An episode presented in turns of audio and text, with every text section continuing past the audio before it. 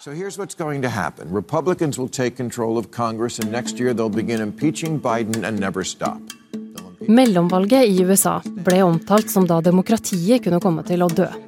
Talkshow-verten Bill Maher kom f.eks. med denne ganske dystre spådommen.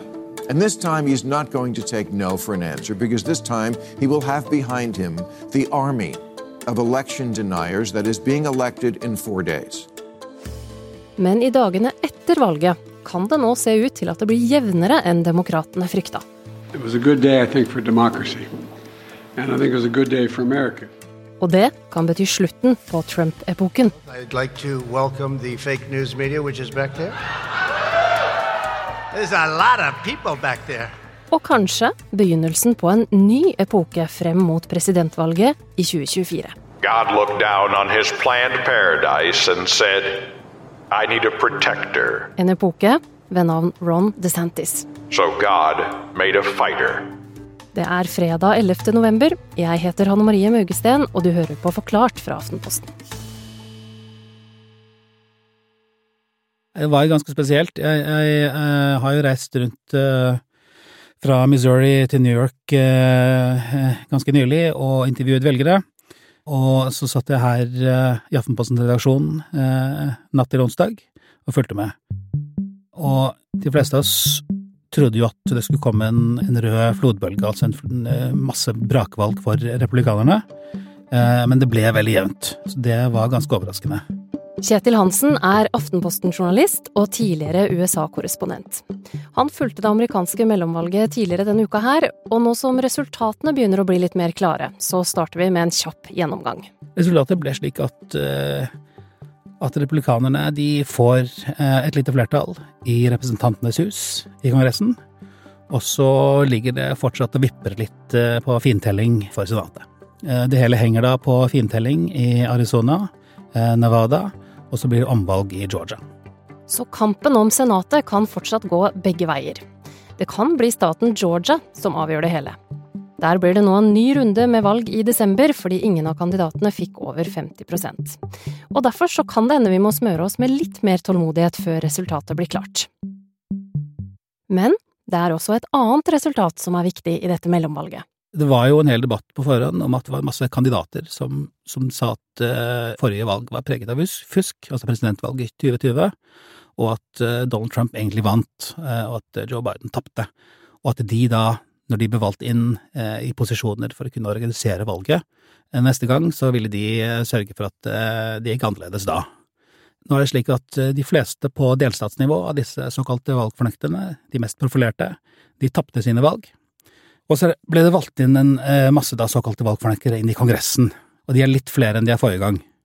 Men de kommer ikke inn i, i valgprosessen før eh, valget er over og valgmennene er godkjent, eh, og så skal de da telles opp eh, og erklæres en valgvinner i Kongressen. Det var det som skjedde 6. januar, før mobben stormet sist. Der er de nå litt flere enn de var forrige gang, men ikke mange nok til å blokkere et valg.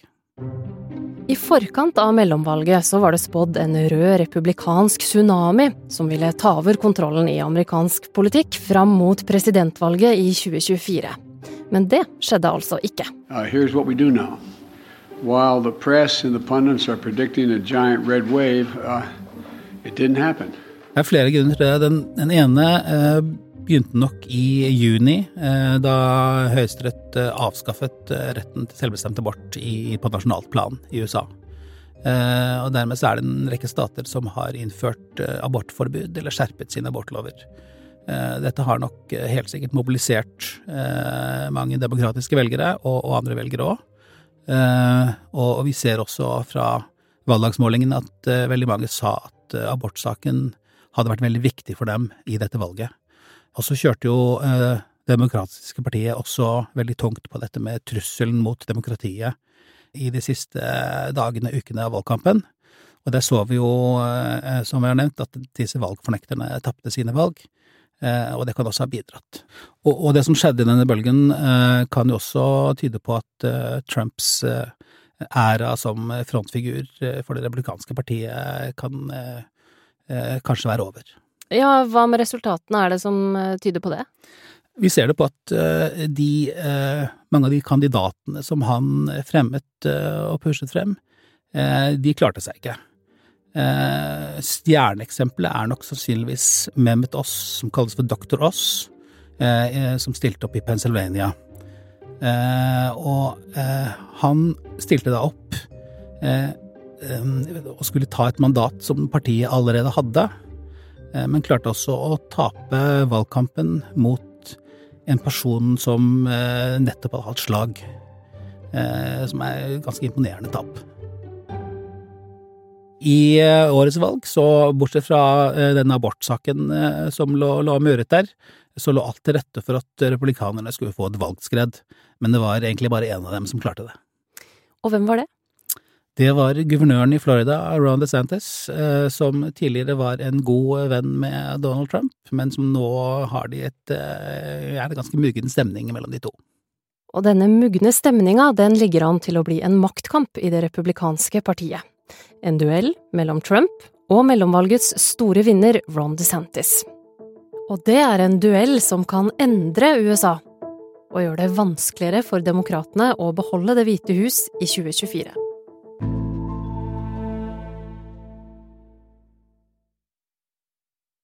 Ron DeSantis er en mann som bruker kreative grep for å få oppmerksomheten til velgerne sine. Et eksempel er i innvandringsdebatten. Dozens of apparent migrants landed by charter flight uh, on a rocky island in the Atlantic, Martha's Vineyard, Massachusetts. More people from other countries wound up going to Martha's Vineyard. He says they were taken there under false pretenses, exploited and hoodwinked, in his words. Apparently courtesy of Ron DeSantis. Ron DeSantis sendte nemlig 50 migranter til et lite sted som heter Martha's Vineyard. Og Martha's Vineyard det er ikke et tilfeldig valgt sted. Her er det flere demokrater som har sitt ferieparadis, annet Obama-familien. Målet til DeSantis var å vise hva som skjer når migranter plutselig settes inn i demokratenes bakgård. Og Kjetil, hva er det denne historien eh, sier om Ron DeSantis? Den forteller noe om at han har en teft for hva som fungerer overfor de velgerne til det republikanske partiet. Og den er han også klar til å, til å utnytte. I dette tilfellet så, så kom jo kritikken om at uh, han uh, brukte da mennesker som, som var brikker i et politisk spill, og, og, og herjet med menneskeskjebner fra hans side så, så, og fra det replikanske partiets side, så, så, ser de at det er liksom disse store eh, demokratiske statene lenger nord. Der eh, sier de veldig mye pent om flyktninger og innvandrere, men de har ikke noe særlig av dem. Og eh, det satte han helt på spissen da han sendte disse nesten 50 stort sett venezuelanere til Martha's Vineyard, som er stjerneeksempelet på på et sånt eh, elitested og feriested for rike demokrater. Så rent politisk så var det her et uh, smart grep, eller? Rent politisk så tror jeg dette fungerte veldig godt overfor partiets velgere. Så hva kjennetegner denne 44 år gamle firebarnsfaren? Hvis vi ser på valgkampreklamen hans, så mener han iallfall selv at han er utvalgt av Gud. And on the eighth day God looked down on his planned paradise and said, I need a protector. So God made a fighter. Amerikanske journalister har kalt Ron DeSantis for Trump med hjerne. At han både er alt Trump er, men også alt Trump ikke er. So God made a fighter. God said, I need someone to be strong. Men rent politisk så ligner han på Trump. DeSantis er for eksempel en ivrig motstander av abort og homofiles rettigheter. Men som person så har han en helt annen fremtoning. DeSantis er tidligere marineoffiser og har vært juridisk rådgiver for spesialstyrken Navy Seals i Irak, noe som han også har fått Bronze Star for. Og I tillegg til å være en dekorert krigsveteran, så har han studert juss ved Harvard og historie ved Yale. Det hører også med at han har sittet i Kongressen og er sittende guvernør for Florida, så dette er ingen politisk novise. Nå har han altså gjort et brakvalg og knust motstanden i Florida. I forrige guvernørvalg så vant han jo så vidt over den demokratiske kandidaten. Denne gangen vant han med 20 prosentpoeng, og det er et valgskred. De tingene som han har gjort seg har vært best markert på, er jo f.eks. skolepolitikk. Og, og uh, han har blant annet denne Don't Say Gay-loven, som den kalles, som sier at uh, skolene kan ikke snakke med barn frem til fjerde trinn om kjønnsidentitet. Den har han utformet som en sak om foreldres rettigheter, fordi dette er foreldrene som skal gjøre. Og det har slått an blant velgerne, og i hvert fall blant republikanske velgere i Florida. Det samme gjorde han med dette såkalt kritisk raseteori, eh, hvor han sa at her lærer barna å, å, og hate Amerika. Så fort stemmene etter mellomvalget er ferdig opptalt, så begynner kampen om Det hvite hus i 2024. Og dersom Ron DeSantis stiller som presidentkandidat, så kan han bli en farlig motstander for demokratene. Dette ble jo Biden spurt om nå etter valget, og uh, han svarte at uh, jeg gleder meg til å se DeSantis og Trump slåss mot hverandre, så lo han litt. Men faktum er at uh, i disse meningsmålingene, det er såkalt man kaller dem for matchup-målinger, så gjør Biden det klart dårligere mot DeSantis enn han gjør mot Trump. Så alt tyder på at uh, Biden nok har mer å frykte hvis DeSantis blir motkandidaten hans, enn hvis det er Trump. Så før presidentvalget i 2024 så er republikanerne nødt til å ta et vanskelig valg. Og Kristina Pletten, du er eh, Aftenposten-kommentator og fortsatt på plass i USA. Er det DeSantis og Trump det står mellom når republikanerne nå skal velge seg en eh, presidentkandidat? Sånn som det ser ut i dag, eh, så blir jo dette her en kamp mellom DeSantis og Trump. Vel å merke seg hvis begge bestemmer seg for å stille i primærvalgkampen, da. Men det virker jo overhengende sannsynlig, sånn som situasjonen er nå. Men det er jo også andre som kan melde seg på.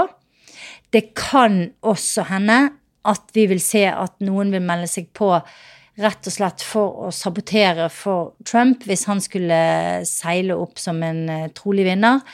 Uh, det tror jeg f.eks. Uh, Liz Cheney, som har vært med på denne 6. januar-komiteen, kan komme til å gjøre.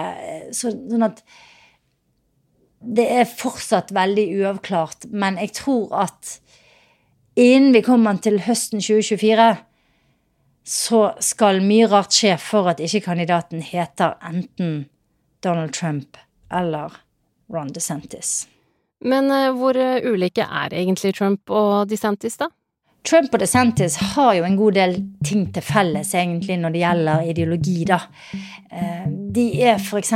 begge ekstremt knallharde når det gjelder innvandring. Eh, dette er jo en sak som var med på å løfte Trump opp i Det hvite hus i 2016. Og det har vært et slags sånn trumfkort for DeSantis også.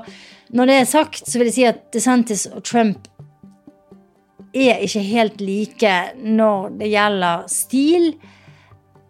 DeSantis er tross alt en mer systemtro type politiker. Han er guvernør, han har drevet delstaten sin delvis, ja, med ganske sånn eh, skarp identitetspolitisk eh, tilt. Men han har eh, likevel prøvd å styre unna de verste konspirasjonsteoriene og vært på mange måter en mer tradisjonelt veldig, veldig konservativ republikaner. Så de to skiller seg kanskje mer i stil og uttrykk enn de gjør i ideologisk tankegods. Ok, så da ligger det jo an til å bli en maktkamp i det republikanske partiet. Hva kan det ha å si for deres sjanser i eh, presidentvalget i 2024, da? Jeg tror at en maktkamp for å bli republikanernes presidentkandidat kan slå ut både positivt og negativt, faktisk. På den ene siden så kan man si at uh, hvis du har en veldig hard primærvalgkamp, så får vinneren virkelig teste seg. Han får prøvd ut budskapet sitt. Han får eh, hard motstand som gjør at han kan eh, motstå nesten hva som måtte være da, av angrep seinere Eh, så han blir på en måte herdet og eh, foredlet gjennom den prosessen.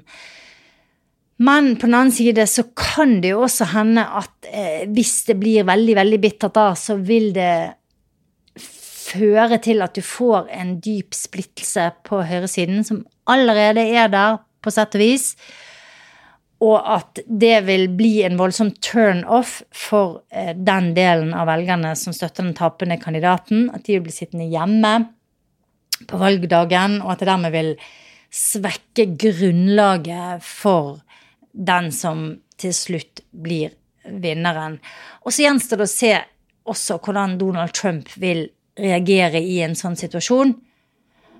Hittil så har han ikke vist seg som så veldig eh, medgjørlig og storsinnet, så det kan jo hende at hvis han til slutt går ut som en taper fra en primærvalgkamp, så vil han gjøre ganske mye for å sabotere sitt eget parti, da. Så dette her er en humpete vei, for å si det mildt sagt, fremover mot 2024 for det republikanske partiet.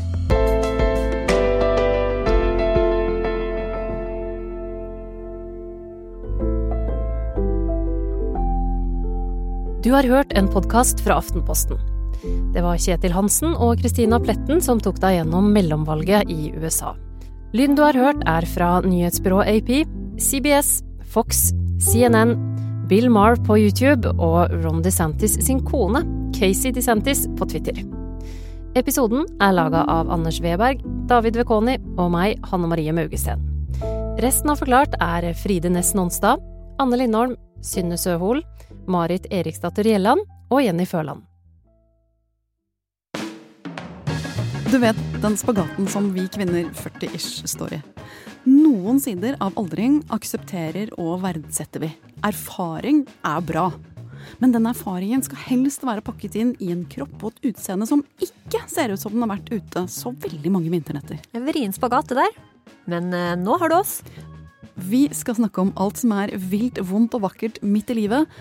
Hormoner, midjefett, rynker, samliv, dating, tørr vagina, dødsangst. I det hele tatt. Podkasten 40 hører du hver fredag fremover. Endelig skjer det noe som eh, jeg blir invitert til igjen på fredager. du er fin, da.